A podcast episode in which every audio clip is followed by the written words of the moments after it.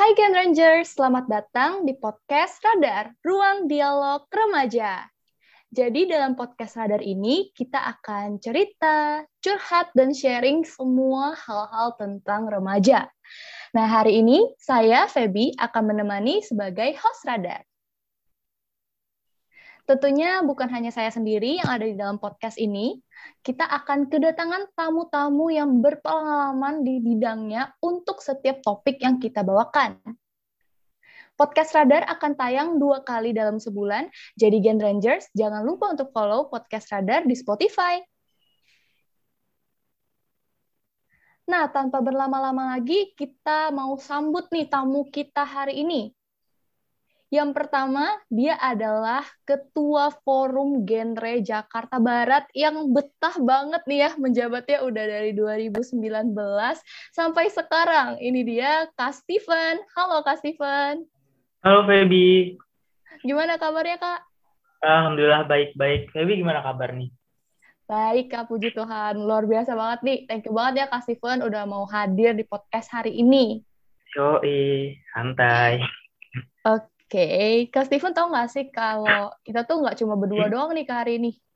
Hmm, sama siapa emang? Penasaran nih.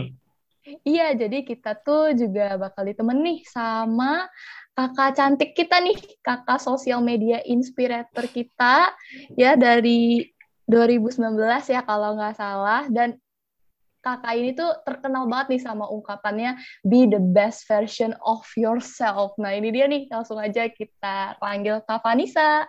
Halo. Halo Kak Vanessa, gimana nih kabarnya Kak? Alhamdulillah baik. Feby apa kabar? Hai Kak Steve. Halo, puji Tuhan sih baik juga. Oke, okay, um, Wah, udah nggak sabar banget sih ya pastinya buat ngobrol sama Kak Vanessa sama Kak Steven. Tapi sebelumnya aku intro dulu nih ya Kak. Genre itu apa sih? Ya kan, kok dari tadi boleh, disebut boleh. terus genre ini, genre itu ya kan. Hmm.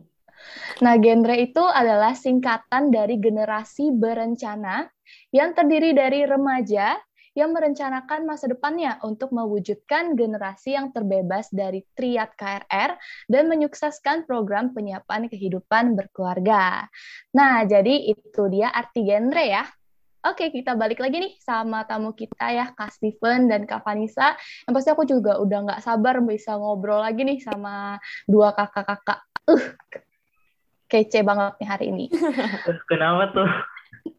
ya lah, ini kan kayak udah kangen banget gak sih kak kayak kita terakhir ketemu tuh sebulan yang lalu ya, iya, ya kak udah lumayan lama ya iya oh, sebulanan yang lalu tapi sayangnya aku belum pernah ketemu sama Baby selama ini.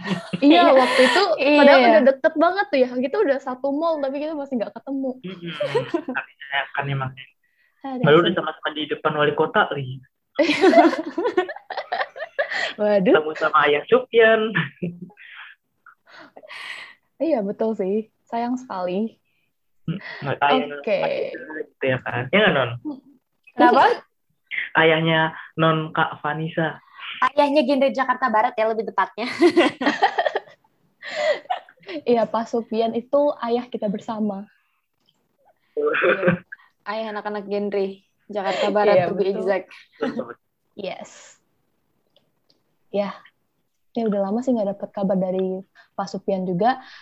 But wait, kita balik lagi ke podcast Radar. Jadi kita mau tahu nih kita uh, kan Kak Vanessa sama Kak Steven tuh udah lama ya di genre. Sebenarnya hmm. udah dari udah berapa lama sih terjun di dalam dunia genre ini?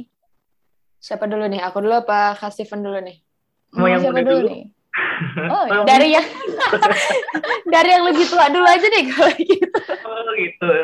Uh, boleh, berarti dari Kak Steven ya? Oke. Okay. Kalau aku sendiri, Feb, gabung hmm. di genre Jakarta Barat itu dari bulan Juni tahun 2018. Gitu sih. Hmm. Jadi berapa tahun tuh? 19, 19, 20, 21. Sekitar tiga tahunan lebih lah wow. ya. Udah bergabung di hmm, di uh, apa di dunia pergenrean Jakarta Barat ini. Nah, cuma emang aku apa namanya baru apa nih berkata ya baru jadi ketua forum tuh di tahun 2019 kayak gitu sih Hmm, I see. Tapi sampai sekarang tuh masih aktif gak Kak di genre? Selain jadi jadi ketua forum nih. Maksudnya gimana nih? Selain jadi ketua forum, mungkin ada aktivitas lain di genre? Hmm, kalau di kalau di genre sih aktivitasnya so far ya setelah apa lengser dari jabatan DKI, uh, which is kayak tahun 2019 itu aku udah nggak ada kegiatan di luar forum sih. Karena kan kayak emang kita melakukan regenerasi ya non setiap tahun kayak gitu. Iya, tapi masih aktif sih ya Kak, masih ketemu buat jadi pembicara gitu ya untuk genre-genre yang masih muda-mudanya. Benar, benar. Kayak sesekali kadang jadi pembicara, kadang kayak bawain materi buat anak-anak genre yang angkatan 20 pernah, angkatan 21 juga pernah gitu. Hmm. So far sih itu. Tapi kalau misalnya kayak di luar dari forum sih nggak ada sih kayak gitu. Karena kan emang aku sekarang fokusnya ke ini ya apa namanya ke forum doang kayak gitu. Forum genre Jakarta Barat doang. Karena aku nggak uh, apa namanya nggak bergabung ke dalam forum genre DKI Jakarta kayak gitu sih. I see. Oke, okay. wah udah lama banget sih ya tiga tahun. aku aku ibaratnya kayak masih anak bayi banget di genre. Tolong gitu ya. Gak apa-apa kan katanya yang muda yang berkarya. Eh tapi kita juga masih muda sih. Udah. Tahu gak sih kayak ternyata nih kalau kataku ada yang lebih lebih gimana ya lebih berkarya gitu loh di genre daripada aku. Padahal kayak dia usianya lebih muda gitu. Siapa Mas genre juga lebih muda. Tahu gak siapa coba orang? Siapa? siapa? Ya pembicara kita yang satu lagi nih. Oh, oke. Okay. Langsung aja kita pindah ke Kak Vanessa ya. Nah, kalau Kak Vanessa okay. udah berapa lama nih di kalau genre? Aku dari 2019, satu tahun lebih lama daripada Kastif, karena kan waktu itu kan ikut masuk baru masuk ke forum itu pas setelah aku jadi duta. Terus uh, sekarang ya aktif di Forum Gender Jakarta Barat iya dan Forum Gender DKI Jakarta juga gitu kalau aku. Dari 2019 berarti baru berapa tuh? Dua tahun ya? Iya dua tahun. Tapi dua tahun ini terlihat sangat full sih ya sebenarnya Kak.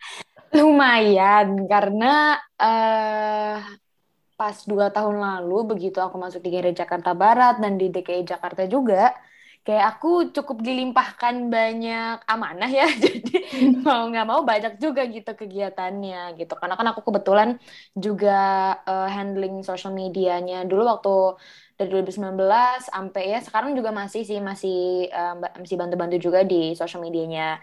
Genre Jakarta Barat terus sekarang handling juga uh, masih handling. Terus dari tahun officialnya sih dari tahun 2020, tapi ngebantu-bantunya dari 2019 itu di sosial medianya DKI Jakarta, genre DKI Jakarta, gitu. I see. Itu literally kayak ini ya kak, apa, yang muda yang berkarya gitu.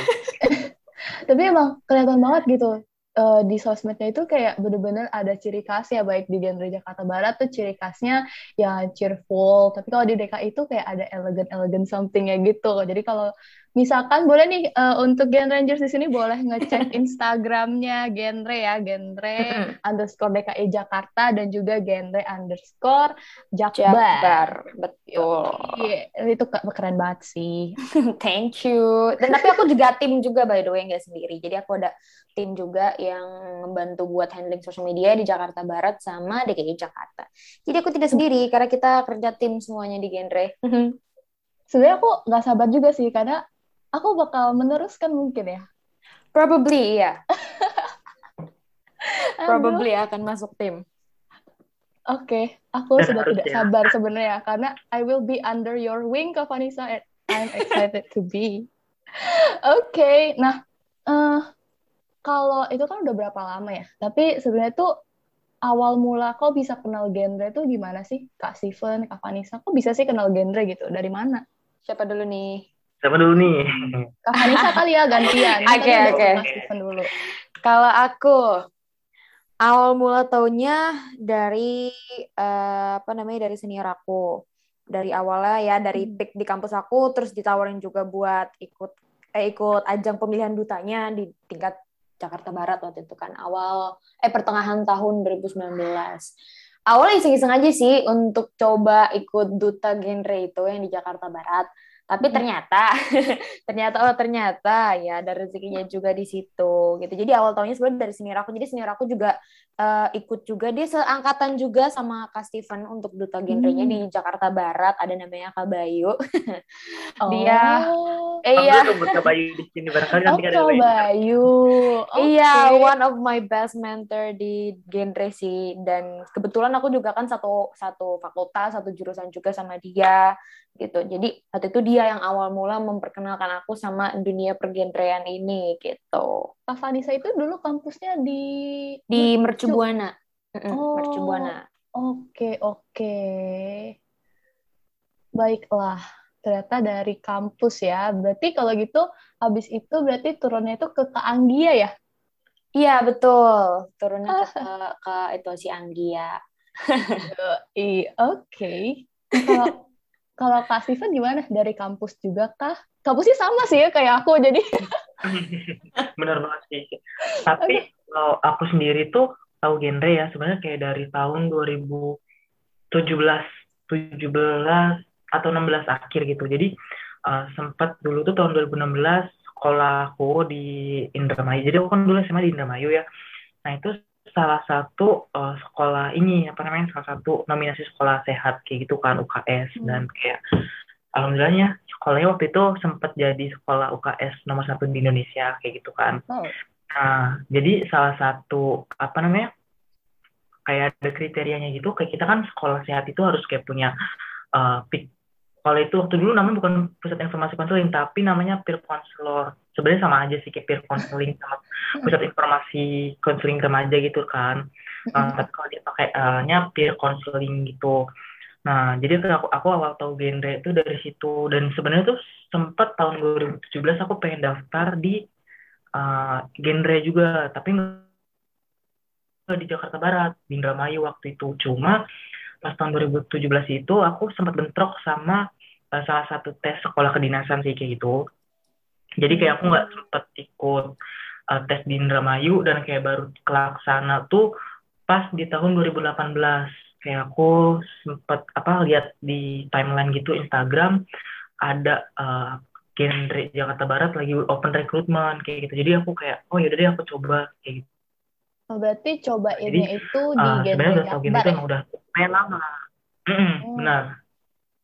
I see, I see. Oke, okay. ternyata udah lama ya kenalnya udah lebih dari satu tahunan gitu ya. Lebih. Wow. Ya jadi sebelum sebelum masuk genre itu ya sekitar setahunan lah kayak gitu aku udah tahu sebelum tentang genre terus kayak sempet ikut kegiatan juga di peer counseling di SMA aku kayak gitu sih makanya kayak udah tahu sedikit-sedikit tentang dunia pergenrean kayak gitu sih. Ya sebenarnya kalau kayak gitu sih aku pengen nanya tentang pick tapi nanti topik kita jadi kejauhan sih ya jadi mari kita tahan dulu rasa penasaran ini kita fokus dulu nih ke genre ini ya. Nah, okay. uh, eh, udah kenal genre, udah berkecimpung di genre ya dari kalau Kak Vanessa dari 2000 2019. Kalau Kak Steven udah kenal dari 2016 akhir, terus langsung officialnya itu dari, dari tahun 2018, terus sampai sekarang masih juga aktif untuk ngebantuin adik-adiknya, terus juga ngejawabin panggilan ya kalau lagi ada dari dinas. Kadang kan suka manggil juga ya. Betul, itu tugas negara ya, karena suka tiba-tiba ada apa gitu dipanggil.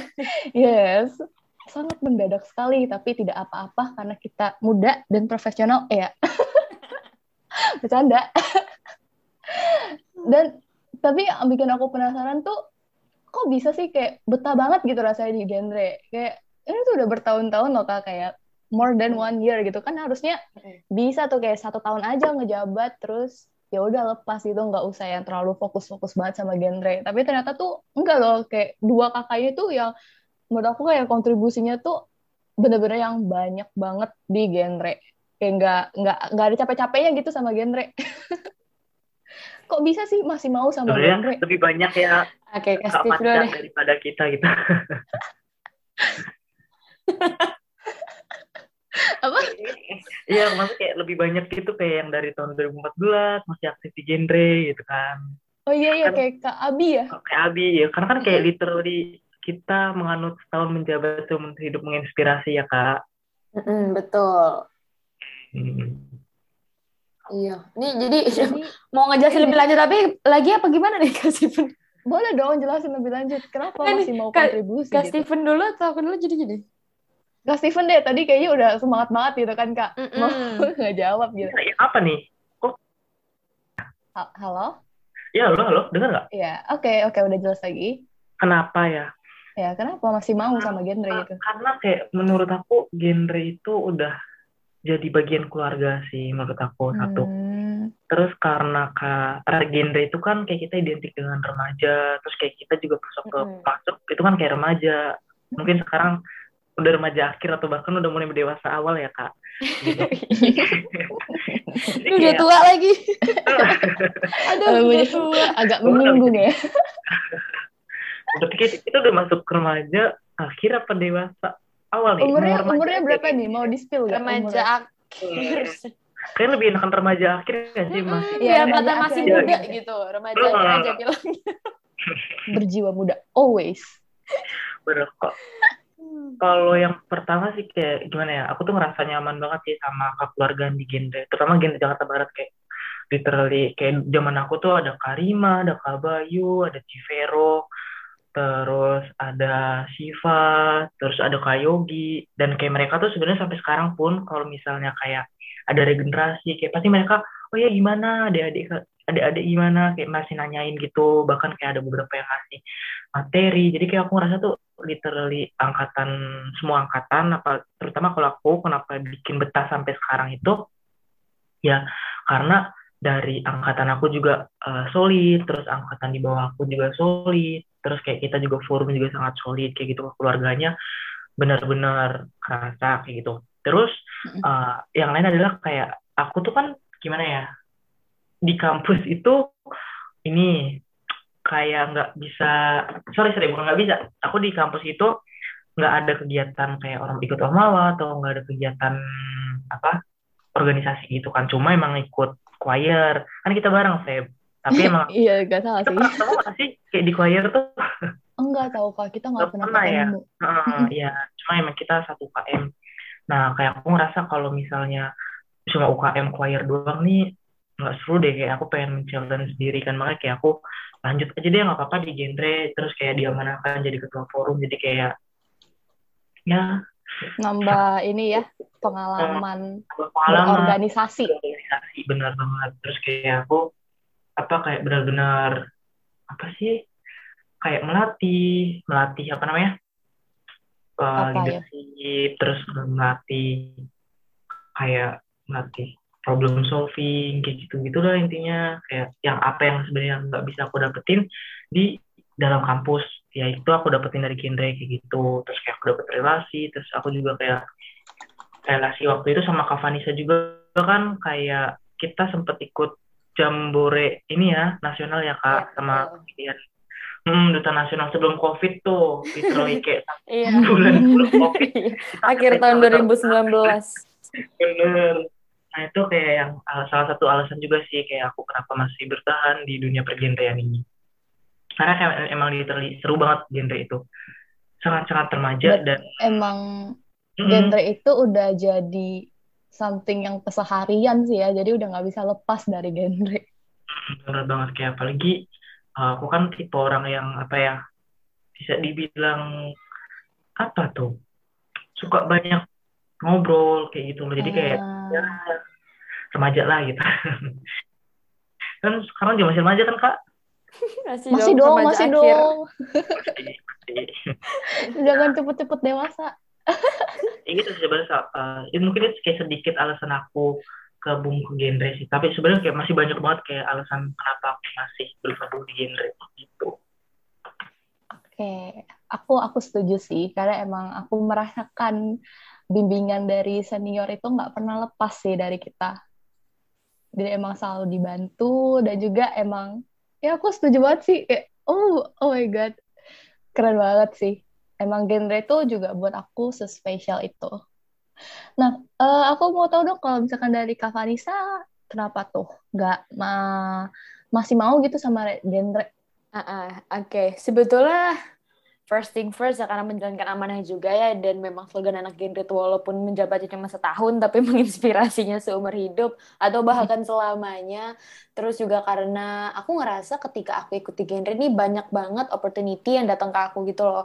Nggak cuma yang berhubungan sama genre yang nggak berhubungan sama genre pun tiba-tiba tuh bisa datang karena dari genre sebetulnya. Kayak misalnya, contohnya kayak aku kemarin dapat experience jadi penyiar radio di BKKBN juga, terus aku juga bisa jadi uh, ada track record untuk jadi pembicara dan akhirnya aku di, uh, diundang juga sama pihak lain untuk jadi pembicara di tempat mereka. Kemudian aku juga jadi banyak experience untuk uh, nge-MC lah, yang nge-moderatorin, nge-host, atau lain segala macam itu banyak banget sebetulnya opportunity dari genre ini. Terus um, aku juga aja apa namanya megang ini juga kan ya karena aku megang social media juga. Itu sebetulnya masih karena aku juga masih masih menjabat di kepengurusan uh, Jakarta Barat Forum Jakarta Barat dan juga Forum DKI Jakarta. Jadi ya sebetulnya aku juga masih terikat gitu ya secara tidak langsung sama bukan secara tidak langsung secara langsung sih sebetulnya sama genre gitu. Dan biasanya kan soalnya yang jadi pengurus tuh uh, setahun setelah kalau yang di ini ya di tingkat provinsi ya biasa tuh kayak setahun setelah menjabat tuh baru bisa masuk ke kepengurusan gitu. Dan aku juga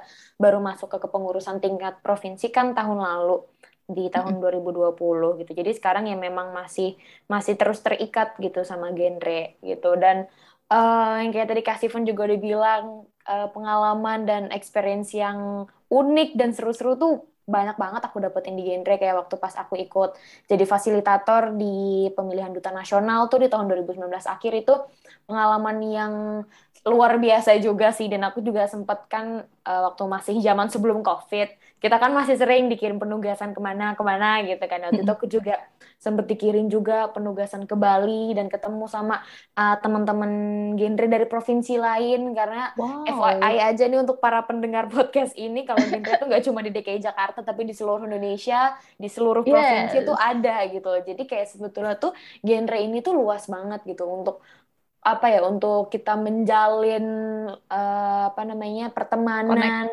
Connect. connection dan lain-lain tuh oke okay banget gitu menurut aku di genre asalkan memang kita tuh ada kontribusinya gitu mungkin hmm. uh, ada uh, ya beberapa orang yang merasa kayak biasa-biasa aja atau kayak kok genre gini-gini aja atau uh, gimana gitu kalau aku malah nggak ngerasa kayak gitu karena ya aku uh, apa ya aku mendapatkan sesuatu kayak bagaimana aku ngasih sesuatu juga ke genre ngerti gak sih jadi hmm. kayak kayak aku jadi makanya aku sering banget bilang ke uh, junior junior aku ada adik aku kayak kalau misalkan memang kita berkontribusi bener-bener di genre kita akan merasakan dan mendapatkan efeknya gitu loh akan mendapatkan dampaknya dan ngerasain juga gimana uh, opportunity itu bisa datang gitu ke kita kayak gitu. Ya sebetulnya uh, itu sih yang sering aku bilang. Maka tadi di awal-awal Feby hmm. sempat bilang aku sempet di apa namanya sempet ter, ter iya terkenal banget ya, ungkapannya be the best version of yourself.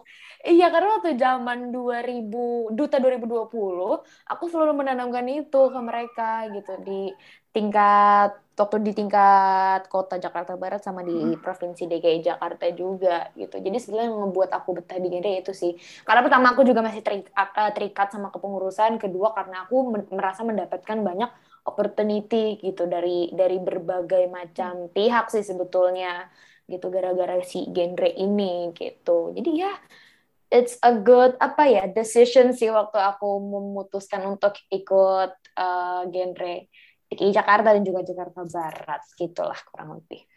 Wow, keren banget sih. Ternyata dapetnya tuh bukan cuma pas menjabatnya aja, tapi setelah menjabat tuh kayak masih ada Betul. gitu ya. Bahkan wow. banyak juga kepengurusan, terutama kepengurusan di tingkat nasional hmm. ya, karena kan biasanya tuh kalau untuk masuk kepengurusan gitu ada requirements kayak berapa tahun minimal udah uh, berkecimpung ataupun udah berkontribusi di genre gitu kan. Kayak misalkan hmm yang umur 2, 3, 2, 4-an aja tuh masih banyak juga yang aktif di forum tingkat nasional. Karena biasanya oh. di forum tingkat nasional tuh uh, yang lebih berpengalaman gitu loh. Kayak sekarang itu yang menjabat sebagai ketua forum genre Indonesia itu kan Kananda ada dari uh, dari DKI Jakarta juga. Itu dia dari tahun 2015 atau 2016 gitu aku lupa dutanya.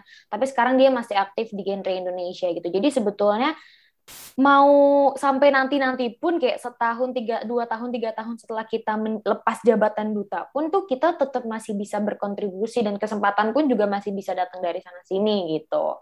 Makanya oh. menurut aku uh, maka menurut aku kayak ini worth it juga sih genre ini untuk untuk di jangan jangan dicuekin gitu loh. Masih kayak ya udah bener-bener dikasih aja kontribusinya gitu. Nanti akan merasakan juga dampaknya Oh iya. Gitu. Give and take-nya itu kayak worth it banget ya kak. Benar-benar.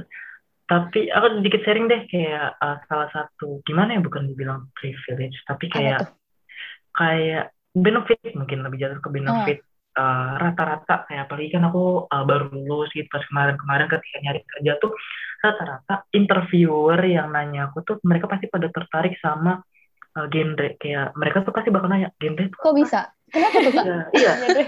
Karena kalau aku karena kayak, genre tuh memang genre tuh sebetulnya organisasi yang cakupannya luas banget. Tapi memang uh. untuk di provinsi DKI Jakarta ya khususnya belum banyak orang yang tahu tentang si genre ini sebetulnya. Ya mungkin ada juga yang tahu, tapi ada juga yang nggak terlalu familiar genre ini apa. Karena banyak banget pun yang pertama kali denger genre, ah, genre apa musik gitu. Enggak, bukan.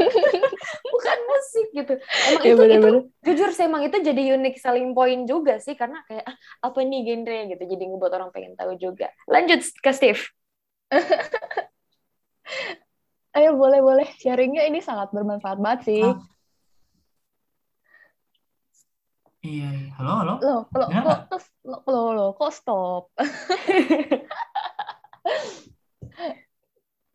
Sorry sorry uh, apa speaker udah aku? masuk masuk bentar ya eh, wow ternyata emang ngaruh ngaruhnya tuh oh, aku nggak kebayang sih tuh kayak ngaruhnya tuh sampai kerja hmm. gitu karena aku Keren juga banget. waktu itu pernah diceritain ya sama salah hmm. satu waktu itu dia salah satu juri juga gitu di pemilihan duta di Jakarta Barat itu senior di tahun 2000 berapa ya waktu itu? Dia kalau nggak salah 2015 atau 16 gitu aku lupa. Dia tuh waktu itu jadi juri uh, psychology waktu itu di Jakarta hmm. Barat. Nah dia itu udah kerja juga di bagian ya pokoknya di bagian HR gitu-gitu deh. Dia tuh sempat cerita bahkan kayak uh, mau kita ikut ajang apa pun ya maksudnya yang serupa ya entah pageant ataupun social pageant gitu itu pasti akan dipertimbangkan sama perusahaan karena katanya untuk uh, apa ya untuk masuk kayak ikut duta-duta gini kan nggak semudah itu ya maksudnya iya. apa namanya seleksinya gitu kayak kalian tuh pasti akan melalui berbagai macam tahapan gitu kan bahkan sampai psikologi pun ada gitu ya jadi kayak itu yang ngebuat jadi apa ya jadi nilai jual juga gitu loh untuk kita sebagai individu ketika nanti ngelamar ngelamar ke perusahaan. Karena biasanya mereka ini jadi udah ada experience uh, apa namanya dari si ajang pageant ataupun social pageant ini gitu. Karena ya itu tadi kembali lagi ke seleksinya itu nggak sebentar nggak mudah saingannya pun juga nggak sedikit hmm. dan nggak main-main gitu kan. Jadi apa pun ajangnya gitu itu pasti akan dipertimbangkan. Kalau kata senior uh, senior aku waktu itu kayak gitu. Ada namanya kak kok lupa namanya siapa Kak Daniel? Oh Kak Daniel. Kak Daniel bener ya? Ya itu. Ya ya Kak Daniel itu tuh sempat cerita kayak gitu gitu. Jadi kayak sebetulnya um, ya mungkin memang kalau kita dibandingkan sama ajang sebelah memang tidak so terkenal mereka untuk di provinsi DKI Jakarta. Iya cuman iya cuman masih tetap dipertimbangkan gitu loh ketika kita ikut ajang-ajang serupa kayak gini gitu. Apalagi kalau genre ini kan nggak cuma setahun dua tahun tapi bisa berkelanjutan ya ininya kontribusinya gitu sih sebetulnya. Hmm, I see. Berarti kalau ikut genre, apalagi kalau yang emang berkontribusi yang secara terus menerus itu bakal useful banget di hmm, bahkan sampai pasti. kerja gitu ya. Pasti. Tapi kalau misalkan, berarti kalau yang yang cuma ya udah sampai duta aja itu gimana?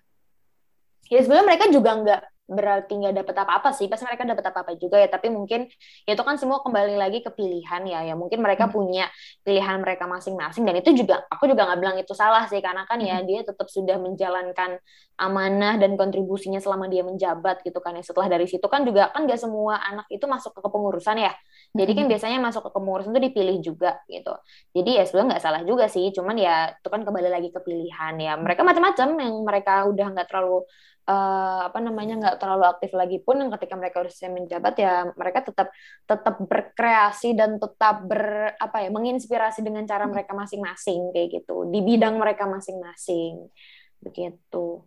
Hmm, ya berarti kayak pil apa pun pilihannya itu baik tapi uh, bedanya nanti ya mungkin yang masih lanjut tuh bisa dapat lebih. Kalau misalkan udah stop ya udah berarti dapatnya juga stop di situ aja gitu kali ya kak Mm-mm, tapi kadang nggak mau nutup kemungkinan juga tiba-tiba dia diundang sih kalau misalkan hmm. emang dia misalkan ya uh, let's say kayak si A nih oh dia jago nih di bidang public speaking misalnya walaupun mungkin memang dia udah uh, sibuk sama kerjanya atau gimana jadi nggak terlalu apa jadi jarang apa namanya datang ke kegiatan-kegiatan atau gimana tapi itu nggak menutup kemungkinan juga dia misalkan dijadi eh, diundang buat jadi speaker uh, pas lagi pemilihan kah atau misalkan diundang untuk jadi MC kah atau kayak gimana kayak gitu jadi kayak memang dia ini tidak memutus silaturahmi sebetulnya sama hmm. uh, semua duta-dutanya baik yang masih menjabat ataupun yang sudah uh, turun dari jabatan dutanya gitu.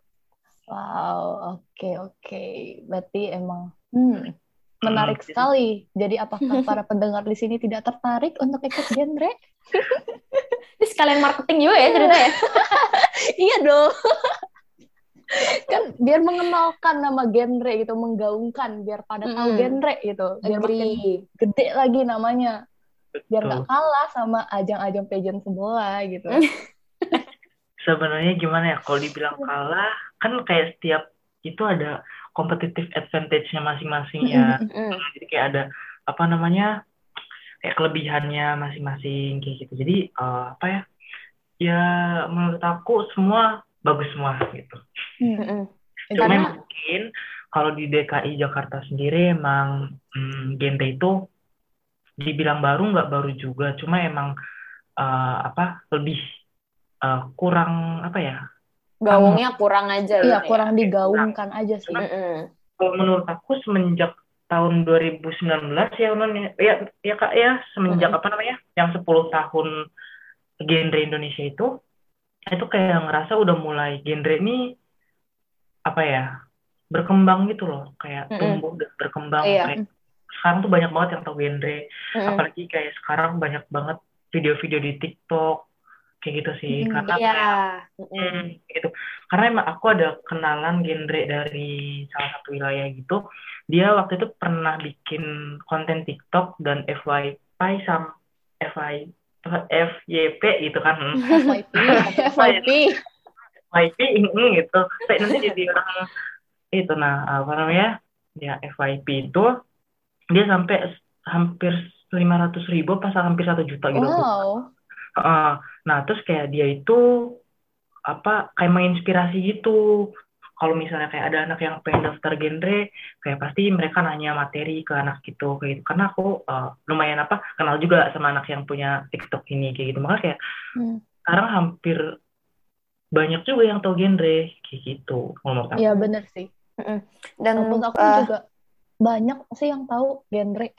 Iya dan speaking of tadi other pageant sebetulnya nggak dibilang kita ada yang lebih baik atau yang lebih buruk sih cuman mungkin memang kita tuh apa ya di ber, berbeda bidang aja gitu loh kayak kalau hmm. misalkan hmm. mungkin ada yang fokus di uh, bidang-bidang lain kalau kita mungkin lebih fokus di uh, remaja gitu to be exact kita ngurusin tentang persiapan kehidupan berkeluarga gitu untuk remaja hmm. gitu ya ya mungkin memang kerjaan kita tuh beda ya pasti beda sih sama pageant-pageant lain kan kadang ada yang lebih fokus ke kewirausahaan atau mungkin ke pariwisata yeah. kah atau ke mana kalau kita tuh lebih ke perencanaan kehidupannya dan lebih spesifiknya lagi ke remajanya gitu. Jadi uh, itu tadi pas iya sih aku juga ngerasa dari 2019 sudah eh, pelan-pelan tuh lebih banyak yang tahu tentang genre gitu tuh uh, genre itu apa dan lain segala macam. Karena thanks to social media juga ya.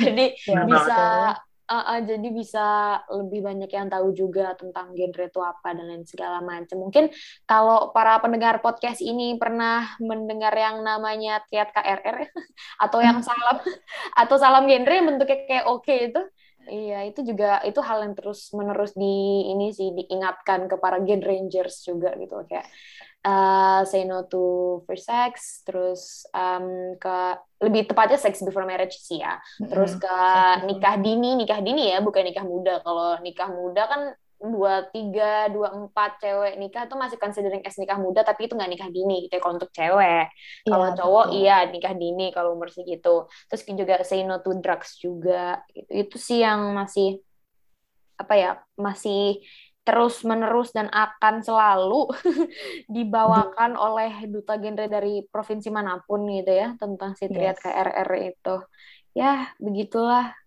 tentang genre Ya, sih. pergenrean Karena emang duniawi. emang mengurusi permasalahan yang terjadi di remaja itu yang emang Betul. seputarnya itu sex before marriage, child Mm-mm. marriage, sama juga di drugsnya itu. Jadi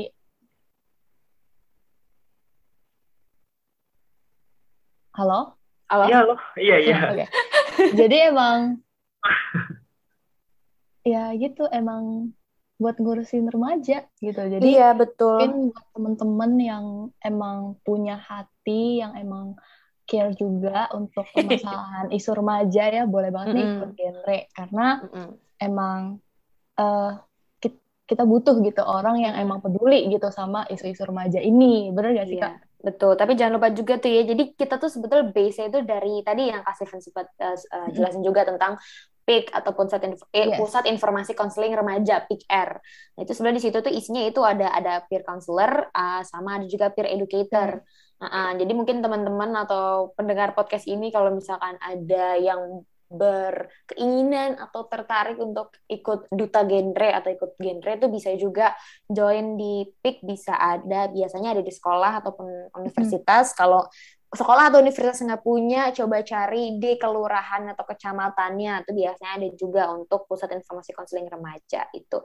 Untuk eh, ini aja nih memperjelas Yes, just yes. in case ada pendengar yang tertarik untuk ikut gitu. Kalau misalkan mau tanya-tanya juga bisa tuh langsung ke Instagramnya Genre Jakarta Barat ataupun Genre DKI Jakarta atau mungkin yang sesuai Ya. sama daerahnya kayak misalkan genre Jakarta Selatan kah, Jakarta Pusat, Timur, Utara dan Karena emang ada di mana-mana, jadi emang Mm-mm, genre tuh betul. bisa kalian kontak sesuai dengan wilayah kalian masing-masing gitu. Iya, Entah mau di luar DKI pun bisa. kalian atau wilayah tempat kampus mereka juga bisa ya, Kak? Bisa, bisa di kampus bisa kalau misalkan ada karena nggak semua kampus punya sih kebetulan. Mm-mm. Cuman ada juga yang ad- ada juga yang punya. Sekolah pun juga begitu. Hmm, I see, I see. Hmm, menarik banget sih ya sebenarnya. Aku pun ikut genre karena emang semenarik itu sih. Jadi Mm-mm. nothing tulus aja sih kalau ikut. Kalau Iya. Kalau emang bisa masuk, it's good thing gitu. It's open more opportunity. Tapi kalau nggak masuk juga, ya udah gitu. Learn learn new things juga sih. Jadi emang bener-bener nothing Ah. tulus gitu. Sebetulnya enaknya juga dulu tuh awal mula aku akhirnya tertarik sama dunia genre ini karena aku ini cukup tertarik juga sama urusan life planning gitu loh. Nah, kebetulan genre kan juga ada tuh ya pembahasan dan Iya. uh, knowledge tentang si life planning ini gitu. Makanya aku akhirnya memutuskan lah untuk join gitu ke genre karena ya ketika kita menjadi seorang duta genre kita ya mungkin memang kita posisinya masih sama gitu ya sejajar sama teman-teman teman-teman kita yang lain. Cuman kita punya uh, benefit untuk istilah kita kayak jadi punya panggung nih sekarang untuk lebih bisa speak up gitu loh ke orang banyak ya walaupun mungkin itu memang bisa dilakukan sih sama orang awam cuman kan kalau misalkan kita udah ada uh, udah ada titel nih udah ada titel Mm-mm. apalagi bawa-bawa nama organisasi yang memang istilahnya um, kredibel gitu ya di bidangnya jadi kayak Hmm. lebih lebih gampang juga gitu jadi lebih Buat nge-guide-nya gitu ya, Kak. Mm-mm, betul. Jadi kayak kita juga juga punya apa ya? Punya pas kita lagi ngobrol, sharing ataupun sosialisasi gitu, kita bukan cuma berdasarkan oh ya udah saya pernah belajar tentang ini, belajar tentang itu gitu. Tapi ya memang kita pernah istilahnya pernah dididik gitu ya, pernah dididik Hmm. dan pernah di apa namanya diajarin gitu ya di genre tentang berbagai macam tentang perencanaan kehidupan uh, untuk remaja gitu. Gitu kurang lebih. Yes, totally agree. Dan yang pasti itu kalau di genre tuh selalu ada kejadian yang unik-unik gitu kan ya kak? Kayak yang emang bener-bener spesial banget tuh. Iya, iya sih Ya, ada justru itu sih. yang mau aku tanya ini ke Kak Fadis sama Kak Steven. Apa Coba Kak Steven dulu deh. Yang bener-bener spesial banget nih buat Kak Steven sama Kak Anissa. hmm, hmm. Kak Boleh? Steven dulu mungkin kan Kak Steven lebih lama nih. Banyak ya harusnya cerita. Ini kayaknya kalau mau ceritain hal unik itu kayaknya sampai jam satu deh kita. Ini kayak aku kalau mau ngomong hal unik bingung nih mau yang hal unik yang mana. Saking banyak ya. Saking Mungkin banyaknya sih. Marisa dulu kali kayak karena aku kayak lagi jet lag habis kerja kali ya, canda. Ya Oke. Oke. Kalau dari aku unik sih banyak ya kalau misalkan ditanya pengalaman unik tuh banyak karena hal yang baru tuh adalah hal yang unik juga ya sebetulnya dan banyak hal baru yang aku temukan. Cuman kalau ditanya pengalaman unik lebih lebih tepatnya pengalaman yang cukup berkesan sih. Ketika Hmm. waktu tahun 2019 itu aku eh, aku udah udah udah lewat grand final tingkat kota waktu itu ya kan alhamdulillah waktu itu aku diamanahkan sebagai juara satu ya di tingkat Jakarta Barat. Dan waktu itu aku lagi persiapan untuk naik ke tingkat provinsi. Dan kebetulan tuh ya namanya baru ngejabat officially jadi duta gitu ya. Jadi banyak gitu untuk sosialisasi ke mana ke mana ke mana. Waktu itu aku pernah sosialisasi di em, apa ya dia namanya tuh kayak sekolah kejar paket gitu tapi yang malam-malam gitu loh Nah, itu kan berbagai macam kalangan ya. Maksudnya kayak berbagai itu dari anak yang umur 9 tahun sampai 25 tahun tuh ada di situ dan itu banyak banget anaknya dan ya dari eh, berbagai macam background juga gitu ya. Dan itu cukup challenging sih untuk sosialisasi di mereka karena melihat range umurnya yang cukup berbeda jauh gitu dan cara komunikasinya juga jadi agak ribet juga gitu ya. Karena kan beda ya kita komunikasi ke remaja awal, remaja tengah, dan remaja akhir. Itu pada saat Iya. itu sebelum ada modul segmentasi dari Gen Indonesia. Jadi waktu itu memang masih nyampur gitu ya. Itu ya berbagai macam anak remaja ya yang dari mulai yang kalem sampai yang nggak bisa diem sampai yang omongannya ada-ada aja perilakunya ada-ada aja tuh ada di situ dan itu benar-benar menguras tenaga banget untuk uh, sosialisasi tentang materi-materi genre di mereka. Itu tuh aku bener aku tuh waktu itu itu ada berapa ya? Anaknya banyak banget kayak 20-an tuh ada deh. Apa lebih gitu aku lupa. Dan aku di situ cuma bertiga pada saat itu dari Jakarta Barat waktu itu. 20 Itu luar- anak dengan range dari 9 tahun sampai 20-an tahun. iya di- jadi waktu itu akhirnya aku Oh memutuskan mulai gede gitu kan. Malam-malam Mm-mm. mulai itu udah udah udah lewat maghrib. Deh pokoknya menjelang isya gitu. Akhirnya waktu itu aku buat lingkaran gitu. Karena mereka susah banget kan untuk lumayan susah untuk dibuat eh, teratur ya. Jadi waktu itu aku buat lingkaran supaya mereka terfokus semua sama kita yang ngomong. Dan especially yang cowoknya tuh agak susah nih untuk di karena mungkin bagi beberapa anak remaja kayak ah, apaan sih? Gente ngajarin apaan sih? Ah bosen lah gini-gini Mm-mm. bla bla segala macam. Jadi itu di situ tantangannya kita harus membuat hal yang kita sampaikan itu menarik gitu kan ya. Yes. dan ya itulah eh, jadi eh, apa namanya ya? Ya biasalah anak-anak yang agak hmm, bertanda kutip tuh banyak juga di situ gitu ya. Yang cowok-cowok terutama waktu itu kan banyak juga yang cowok. Jadi ya gitu. Itu sosialisasi ter tidak apa ya ter apa ya ter tidak terlupakan sih. Karena ya banyak hal-hal unexpected yang terjadi ketika aku sosialisasi gitu. Cuman aku tetap berusaha untuk eh, apa ya membuat jadi paham atau at least mereka tuh aware gitu loh sama kita ini ngomongin tentang apa sih gitu. Apa sih yang yang harus mereka hindarin gitu. Apa sih uh, istilahnya kayak lampu kuning yang harus mereka perhatiin kayak gitu. Tapi itu lumayan ini sih lumayan lumayan unforgettable gitu. Terus kalau ditanya pengalaman unik lainnya banyak banget sih. Terutama kalau misalkan lagi ketemu sama genre dari provinsi lain Oh, itu seru banget sih, Kak, kayaknya. kayak itu kayak mengalami culture shock tapi di negara sendiri gitu. Bener-bener kayak banyak banget ya kak ya. Iya karena kan macam-macam iya budaya. karena kan mm, karena kan aku kan sebelumnya organisasi-organisasi aku yang sebelumnya tuh aku nggak pernah yang seluas genre gitu ya nggak pernah yang sampai nasional gitu. Gitu. Jadi pas ketemu sama uh, provinsi lain tuh kayak lucu aja gitu loh pengalamannya jadi unik gitu kayak yang dari bahasanya, dari kebiasaannya, dari dari apa namanya, dari masalah organisasi gendernya dan lain segala macam, itu banyak banget hal-hal unik yang ditemuin sih sebetulnya ketika ada apa namanya perkumpulan pertemuan ataupun uh, diskusi sama um, forum ataupun duta gender dari provinsi lain gitu. Banyak banget sih pengalaman uniknya. Coba mungkin kak Steven ada pengalaman unik selagi aku memi- memikirkan pengalaman unik yang lain Boleh, boleh. sebenarnya banyak banget sih emang Sebenarnya kalau kayak apalagi udah lama ya saking banyaknya kayak bingung mana yang Uh, tapi mungkin pengalaman unik uh, yang menurut aku benar-benar waktu itu bikin shock adalah adalah kayak literally kayak H plus satu setelah final kayak setelah Mhm. penyimpangan kita langsung dapat penugasan dan you know what kayak penugasannya itu ternyata ada ibu presiden dari Timur Leste. Kayak wow. ya. oh my god kayak gue nggak tahu apa apa gue baru dilantik kemarin loh. Kayak gue baru kemarin. Terus kayak tiba-tiba gue harus apa namanya harus datang kayak nemuin apa uh, ibu presiden dari uh, Timur Leste waktu itu. Jadi kayak aduh apa ya? Harus jadi kayak literally malam jam 6 itu kayak jam jam 7 jam 7 itu baru selesai final. Terus kita besok uh, besok paginya itu langsung di WhatsApp. Nanti sore kita ketemuan ya uh, apa ada apa ya non uh, saya lupa namanya tuh. Uh, ada apa, Apa namanya? kalau oh ya ada penugasan. Di Hmm. WhatsApp gitu di WhatsApp group. Uh, besok semuanya kumpul ya ada penugasan untuk apa menyambut ibu ibu presiden dari Timur Leste kayak gitu. Terus kayak kita bingung dong kayak apalagi aku yang waktu itu uh, literally pertama nggak tahu apa-apa aku harus ngapain ya kayak aku harus pakai pakaian gimana nih kayak itu Iya.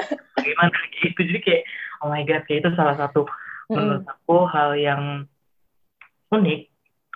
Terus kayak jadi waktu itu untungnya itu kayak ada aku ada uh, apa deket juga sama salah satu uh, angkatan aku kayak kakak aku juga aku anggap.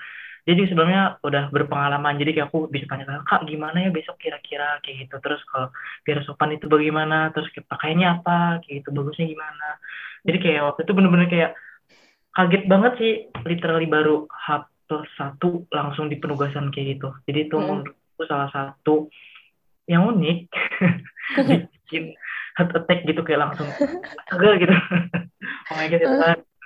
Gitu sih waktu itu. Terus waktu itu Wow. kalau salah emang banyak banget kan kayak rame gitu. Kalau nggak salah sedekah ya atau apa gitu kayak pada kumpul di sana semua kayak banyak anak-anak juga banyak remaja banyak anak-anak. Waktu itu anak-anak sekolah dasar kalau nggak salah. Ya benar anak sekolah dasar terus ada beberapa anak remaja sama ibu-ibu PKK jadi waktu itu kayak penuh banget di apa namanya kali jodoh itu. Jadi kayak menurut aku salah my satu God. penugasan salah satu experience dari genre yang nggak bisa aku lupain di situ. Tuh oh my god. Iya. keren banget sih kak. Keren banget. Bener-bener kayak keren banget. Iya, aku bener. sampai nggak tahu aku speechless mau bilang apa. Hal plus satu langsung ketemu ibu presiden dari negara lain. Aku kayak Tapi Eh. memang banyak juga sih opportunity kayak gitu. Maksudnya kayak selain kita uh, penugasan untuk sosialisasi atau untuk um, apa kasih edukasi ke remaja-remaja, kita juga ya kadang uh, di ini juga ditugasin juga kayak waktu itu aku juga pernah ditugasin untuk uh, nyambut keme- uh, Menteri Kesehatan Republik Indonesia waktu itu masih Pak Hmm. Terawan ya waktu itu aku di ditugasin di BKKBN dan ketemu banyak uh, pejabat-pejabat lain juga. Maksudnya kita ketika ikut uh, duta genre, untungnya di DKI Jakarta karena kebetulan kita ibu kota dan BKKBN nasional yang pusat ini ada di DKI Jakarta gitu. Jadi, jadi Hmm. sebenarnya banyak banget opportunity yang kita dapetin juga gitu karena mungkin ketika ada penugasan yang memang butuh cepat ya otomatis kan yang terdekat ya yang dihubungi gitu. Eh, itu juga jadi pengalaman yang unik juga sih, masih ketemu dan ngobrol sama Menkes waktu itu. Terus ya banyak juga sih sering ketemu juga kayak apa namanya eh, orang-orang nggak cuma orang-orang ataupun pejabat orang-orang penting atau pejabat aja, tapi kayak misalnya artis atau influencer Hmm. pun juga pernah gitu aku waktu itu ketemu waktu di BKKBN. Waktu itu ada aku lupa lagi siapa namanya ya. Dia pemain film juga dan dia juga sering ada di YouTube-nya Genre Indonesia. And and Hmm. and Ansel apa siapa gitu aku lupa namanya. Cuma banyak juga ada beberapa waktu itu ada aku sih nggak pernah ketemu, cuman masih kayak pernah pernah pas dia ada lagi syuting di BKKBN pun kebetulan aku juga lagi di situ. Maksudnya kayak ketemunya secara nggak langsung sih sama kayak waktu itu ada Rahel Amanda, terus ada banyak pokoknya banyak banget em, orang-orang yang unexpected gitu ternyata kita temuin gitu ya banyak sih sebetulnya ya untuk pengalaman-pengalaman unik dari dari mulai bertemu orang sampai uh, experience kita pas sosialisasi. Bahkan waktu itu yang di angkatan Steven ada waktu itu namanya Kak Vero ya Steve ya yang hmm. dia sempat sosialisasi di anak-anak pecandu if I'm not mistaken ya nggak sih Kak? Oh. Iya kan? Ya waktu itu anak-anak yang uh, aku lupa tapi tempatnya di mana. Pokoknya sosialisasinya ke anak-anak yang mantan bukan mantan sih bahkan masih ada yang pecandu kayak entah itu alkohol ataupun drugs gitu. Dan pada saat itu dia kasih sosialisasi gitu kan ya tentang knowledge dari genre juga ke mereka. Dan seremnya itu katanya dia tuh pas dia lagi sosialisasi pun di belakang ruangan tuh ada yang kayak sambil minum apa lain segala macam dan itu sebenarnya hmm. dangerous sih untuk untuk kita ketika melakukan sosialisasi yeah. kayak gitu. Cuman ya tetap apa ya ya namanya tugas dan amanah tetap dijalankan. Dan itu aku pun bukan yang me, me, merasakan secara langsung pun juga jadi wah unik juga ya cerita-cerita senior-senior aku gitu untuk pas lagi sosialisasi di tempat-tempat yang mungkin orang lain kayak ngeri gitu ya. Jadi ya karena kan orang kalau misalkan lagi under influence itu kan anything could happen kan, bisa yeah. bisa apa pun terjadi gitu ya. Tapi untungnya waktu itu nggak kenapa-napa sih dia. Cuman itu jadi pengalaman unik juga sih ketika ada di genre gitu ya. Karena kita nggak pandang bulu juga gitu loh. Ketika kita mau sosialisasi ke remaja tuh kita nggak pandang dia remaja yang kayak gimana ataupun pernah apa dan lain segala macam. Ya ketika kita dapat penugasan ketika kita dapat amanah untuk sosialisasi di sini atau bahkan kadang kita yang memilih tempat sosialisasi kita ya udah kita jalankan gitu. Kita kita kasih sosialisasinya ke mereka. Gitu di genre nggak pandang bulu untuk usia kebiasaan terus juga kita nggak diskriminasi ya kak baik orang-orang hmm. yang udah pernah kecanduan ataupun yang uh, yang udah pernah melakukan KRR pun kita nggak pernah menolak ya kak untuk membantu hmm. mereka kita selalu ngerangkul lagi emang itu pun dari tugas PIK juga seperti itu ya kak untuk iya, bisa. mendengarkan mereka membantu mereka gitu hmm. wah keren banget sih aku sampai speechless gak tahu lagi mau ngomong apa karena eh, keren banget gitu keren banget oh my god Ya mungkin mungkin kalau yang duta tahun 2020-2021 mungkin experience agak berbeda sih dari yang aku sama Kasipan karena kebetulan kan dutanya duta online ya. Walaupun masih kadang ada sih ya beberapa kegiatan-kegiatan yang offline. Cuman itu pun juga justru ketika online bisa lebih luas cakupannya. Serunya tuh itu ya nggak sih Kak Steve? Betul banget. Kalau kita kan dulu jadi ya makan waktu iya makan tenaga iya walaupun uh, seru juga sih gitu. Ya kalau data sekarang enaknya jadi lebih efektif dan efisien waktu dan tenaga ya, gitu loh. mm, dan lebih lebih bisa mencang uh, apa ya merangkul orang lebih luas gitu. Enaknya sih itu ya. Thanks to pandemi ya ternyata hikmahnya ada saja selalu. Bener banget let's see the bright things ya. Let's see the hmm. bright things.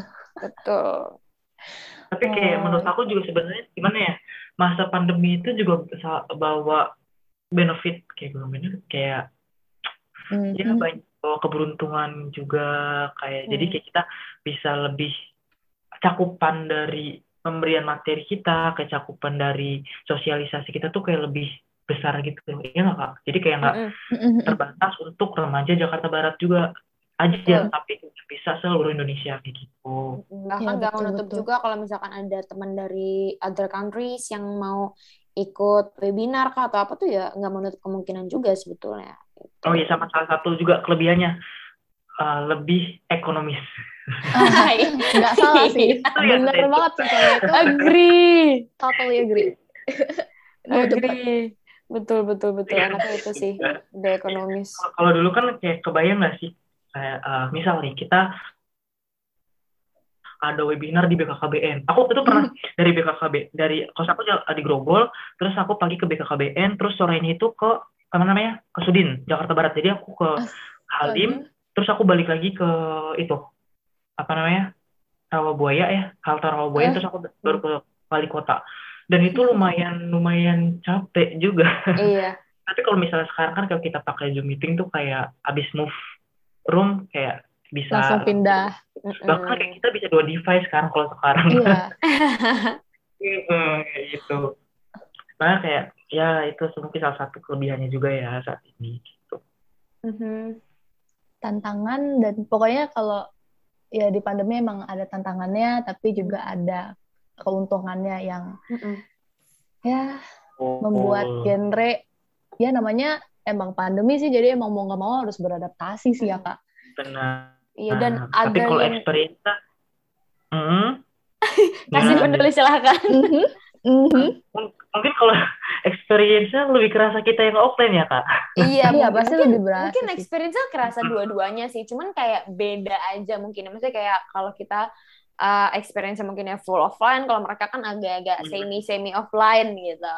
Betul. Tapi the other unique things yang aku dapatkan ketika aku ikut genre, mata dan pikiranku jadi lebih terbuka sama uh, kenyataan lapangan tentang kenakalan remaja, terutama di DKI Jakarta kayak uh, aku sampai kayak merasa kayak ini selama ini aku yang tinggal di dalam goa apa emang Jakarta sekeras ini ya gitu. Apalagi terutama akhir-akhir ini ya kayak aku semakin banyak mendengar banyak banget banyak banget sekarang teman-teman bahkan teman-teman ya masih circle eh, circle circle yang dekat gitu ya dia Mhm. mewajarkan hal-hal yang tidak wajar gitu. Let's say kayak misalnya uh, alkohol atau mungkin sex before marriage yang kayak gitu-gitu itu banyak banget anak-anak remaja khususnya di DKI Jakarta ya mungkin me- mereka memang nggak uh, speaking out loud gitu mereka uh, melakukan itu mereka minum ini dan mengkonsumsi uh, ini itu gitu cuman Mhm.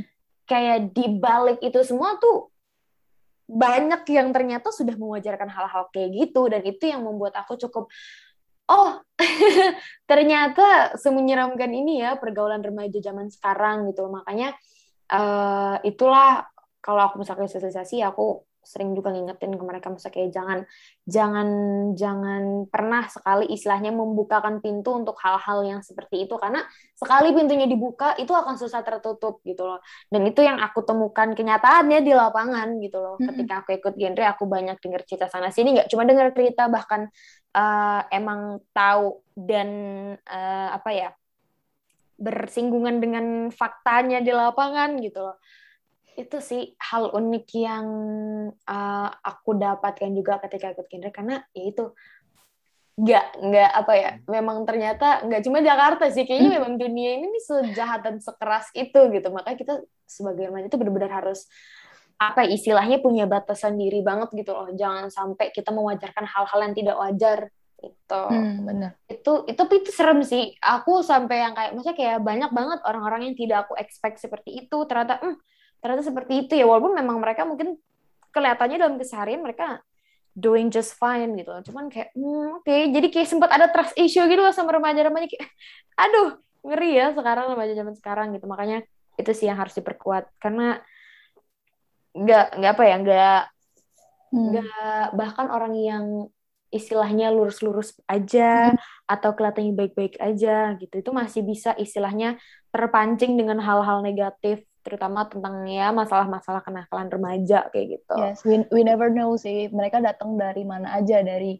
dari Iya. keluarga baik-baik pun bisa, dari Mm-mm. bahkan mungkin yang dari keluarga yang eh, broken home juga banyak ya kak, dari broken home, dari keluarga yang baik-baik juga bisa, nggak nggak menutup Mm-mm. sih untuk Iya. keja- mm. kejadian ke- kejadian teriak KRR, drugs, eh, sex before marriage tuh could happen to Hmm. a lot of teens dan itu nggak bisa menutup Iya, Ya, makanya uh, Iya makanya penting banget juga itu. Makanya penting juga gitu maksudnya kayak untuk selain memupuk keimanan terhadap apa yang dipercayanya ya penting juga gitu loh untuk set boundaries untuk diri sendiri gitu untuk tidak Hmm. melakukan hal-hal seperti itu. Karena eh, too many risks yang bisa didapatkan dari hal-hal itu gitu ya. Walaupun mereka mungkin memang kayak mereka tuh sampai yang apa ya kayak udah mereka yang penting dapat kesenangan Yes. sementara itu gitu tanpa memikirkan jangka eh, apa namanya panjang. ya kalau untuk masalah ngomongin dosa ya mereka kayaknya udah kayak ya udahlah gitu loh ngerti sih terus kayak Iya, iya, kayak nggak memikirkan apa namanya eh, efek jangka panjangnya kayak gimana dan lain segala macam gitu itu sih hal unik Yes. yang kayak wow aku pas awalnya ya dulu dulu mah dengar kayak iya emang ada kenakalan Maksudnya kayak oh iya kenakalan remaja terjadi di di DKI bla bla segala macam cuman kayak ya udah aja gitu tapi makin ke sini makin ke sini kayak semakin dekat isu itu aku dengar gitu Nggak sih jadi semakin banyak yang mewajarkan hal-hal tidak wajar itu gitu Itu sih. Aku ya. setuju sih.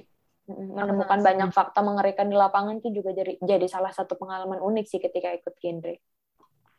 Iya, banget.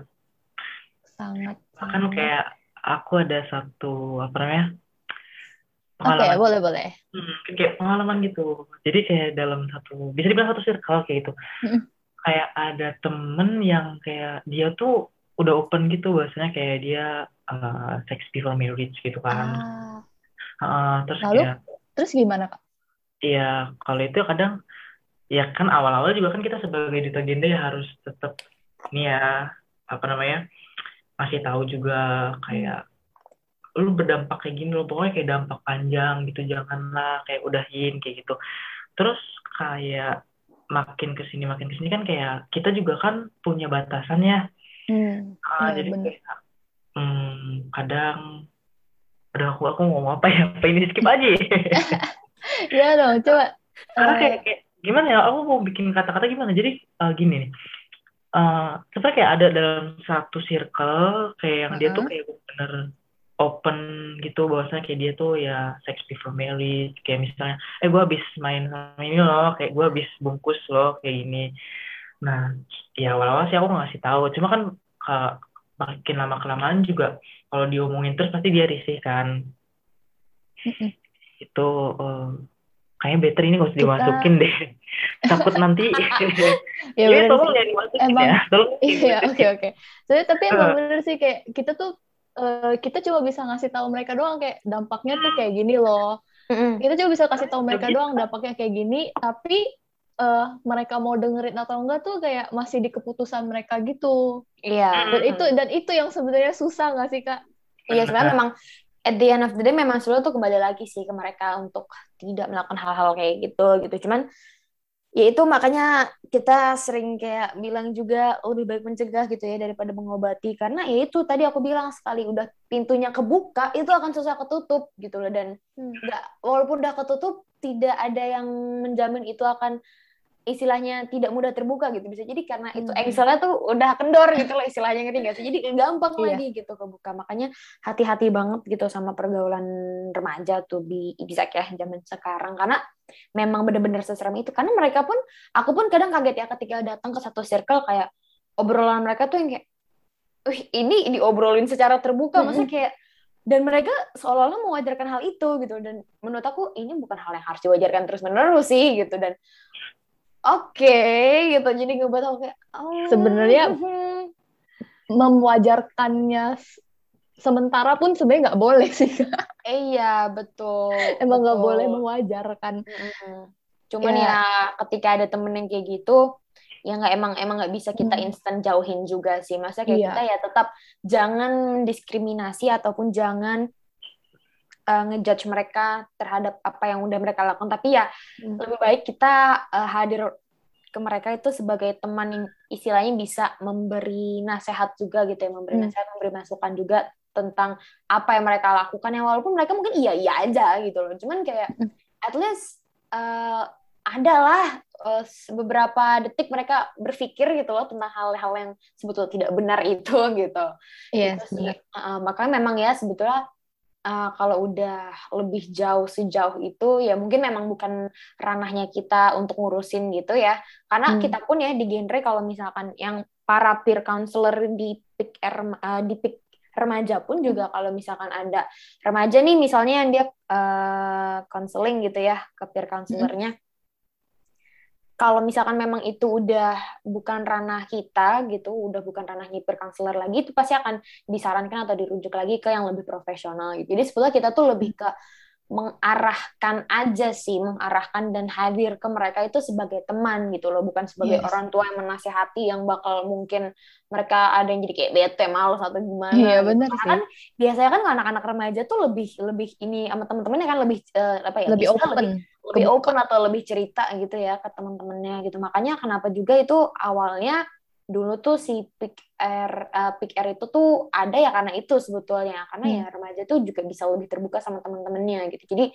istilahnya kita membuka pintu lain untuk remaja bercerita gitu loh. Jadi punya banyak ruang untuk mereka berkeluh kesah ataupun ya sekedar membantu mereka melewati fase-fase labil remaja lah gitu.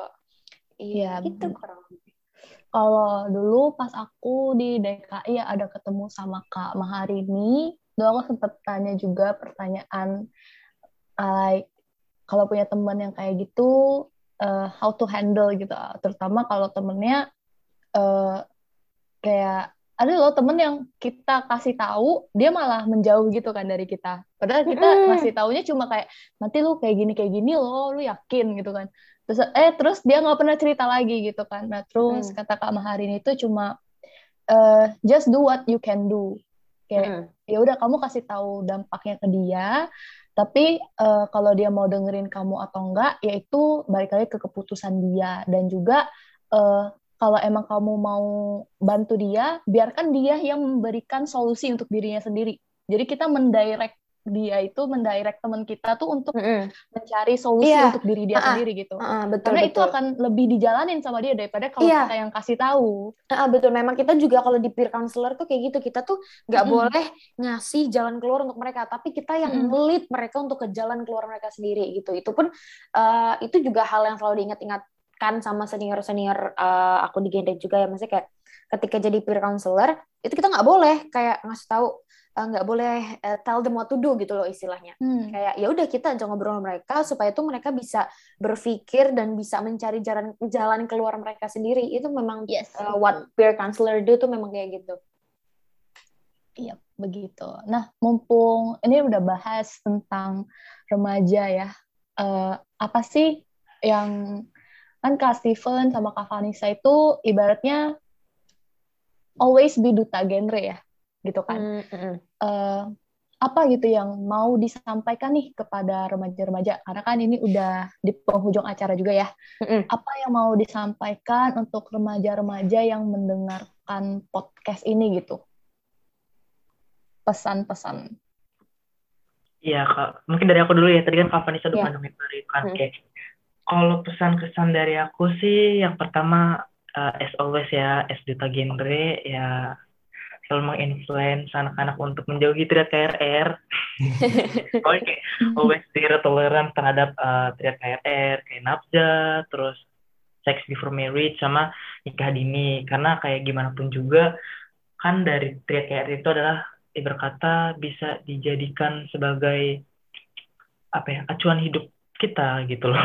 agree Ah, Hmm. karena kalau misalnya kayak kita aja melakukan dari triad KRR ini kan itu bisa berimpact juga nih ke depannya sama masa depan kita kayak gitu. Hmm. Kalau dari aku mungkin itu yang catatan buat remaja-remaja zaman sekarang apalagi khususnya di DKI Jakarta ya kayak kita kan tahu lah Jakarta itu apa ibu kota yang keras dan pergaulannya dari bebas itu Halo, Kak Steven. Oh, kayak- Keputus. ya di, bisa dibilang tidak ada yang tabu di Jakarta. Ya, halo, halo. Oke, oke. Ya. Oke, Ya. oke. Udah Tadi masuk. sampai yang mana nih? Tadi Oh, sampai jadi kayak sekeras ibaratnya- itu. Hmm. Iya, sekeras itu. Karena kan di Jakarta itu gimana ya? Tidak ada hal tabu di Jakarta kalau menurut aku ya. Hmm. Karena kayak Hmm. bisa dibilang Jakarta itu liberal, tapi nggak liberal juga sih. Cuma kayak mungkin orang-orang Jakarta itu udah kayak oh ya udahlah gitu. Lebih ke individualis seperti itu sih. Hmm. Agree. Oke. Benar-benar. Kalau dari Kak Vanessa mungkin? kalau dari aku ya untuk uh, yang bisa aku sampaikan dan aku pesankan ke remaja DKI Jakarta ataupun seluruh Indonesia kayak set your uh, personal boundaries sih karena makin hari ini pergaulan remaja ini kan agak semakin menyeramkan ya. Jadi Mm. kita harus punya boundaries juga gitu loh untuk pergaulan kita. Ya walaupun mungkin teman terdekat kita ada melakukan hal-hal yang seharusnya tidak dilakukan tapi ya kita harus bisa set boundaries untuk diri pribadi kita gitu loh. Jangan Hmm. sampai kita malah merusak diri kita sendiri gitu. Dan be wise akan pilihan kita gitu ya. Harus jadi grown up teenager juga gitu loh walaupun masih remaja tapi ya harus tetap bisa bijak juga gitu loh untuk eh istilahnya memilih pergaulan memilih teman gitu kan yang menentukan uh, tindakan-tindakan dalam keseharian itu sih. Harus set your personal boundaries itu penting banget. Semakin hari semakin ke sini aku lihat kayak orang ini harus sadar akan hal itu gitu loh. Harus ada Hmm. batasan dirinya. harus harus punya harus ngeset batasan diri sendiri gitu. Karena at the end of the day yang akan menolong kita tuh ya diri kita sendiri sebetulnya. Mau sememban- mau semembantu apa pun orang-orang terdekat kita at the end of the day keputusan akan ada di diri kita sendiri gitu dan itu yang Mm-mm. harus kita sadarin itu yang harus kita istilahnya kayak apa ya eh kita sadar dan kita harus benar-benar eh, jadi hati-hati gitu loh akan akan keputusan setiap keputusan yang kita buat gitu karena ya at the end of the day itu akan kembali lagi ke diri Ke kita diri kita sendiri, sendiri. Uh, uh, be the best version of yourself as always aku selalu bilang itu makanya Tetap ya digaungkan di podcast Radar juga. Mm, iya Be karena the best version of yourself. iya tetap harus jadi diri sendiri ya tapi the best versionnya gitu loh the best version tiap orang kan beda-beda ya gitu Ya, betul. Hmm, gitu sih The Wah, best version. emang. Oke, the best versionnya positif ya kak. iya dong Oh, iya dong. Always positif. Iya Positif dong. dong. Hmm. Mm, betul Waduh. Hmm. Mau bilang apa ya? Kalau dari aku, aku nggak usah kali ya. Kalau merangkum, kita harus set our personal boundaries. Kita harus be wise untuk apa yang kita pilih untuk diri kita. Karena at the end of the day, semuanya akan balik lagi ke diri kita. Apa pun yang kita lakukan itu yang akan apa? Itu yang akan kita tuai gitu nantinya. ya apa yang kita tanam itu yang kita tuai gitu Isya Yes. Dan kalau dari Kak Steven tadi em, dengan kita tahu triad KRR dan kita menghindari itu akan membuat masa depan kita tuh better daripada kita melakukan. Ini aku nggak ngejudge ya aku nggak ngejudge. Maksudnya eh, kalau kita udah tahu kita bisa menghindarinya dan eh, we can be the best version of ourselves. Karena kita udah tahu gitu kita udah tahu jadi kita akan menghindar gitu. Tapi kalau buat teman-teman yang mungkin udah pernah melakukan ya eh, aku nggak kayak bukannya kayak oke itu benar tapi kayak you still have the chance you still kamu Iya. masih punya kesempatan untuk berubah dan Mm-mm. eh, you can do it now gitu yeah nothing is jangan too late ditunggu lagi. Yes, nothing is too late. Kalau itu sih dari aku ya. Terus juga, oke, nggak terasa banget. Kita dari jam 7 dan sekarang udah jam setengah 9. Wow, satu setengah jam lumayan ya bun yes. Dan eh, nggak terasa banget, pokoknya kita udah di akhir banget nih di podcast Radar. Jadi Hmm. aku mau mengucapkan thank you banget ya untuk Kak Steven dan juga Kak Vanessa karena udah mau hadir di podcast Radar dan aku berharap banget nih sharing dari kita hari ini bisa bermanfaat banget dibagi semua yang mendengarkan podcast ini. Oke Gen Rangers, terima kasih sudah mendengarkan podcast Radar, Ruang Dialog Remaja. Jangan lupa untuk follow Spotify Radar supaya kalian tidak ketinggalan untuk mendengarkan podcast ini. Saya Feby, pamit undur diri. Sampai jumpa di Radar selanjutnya.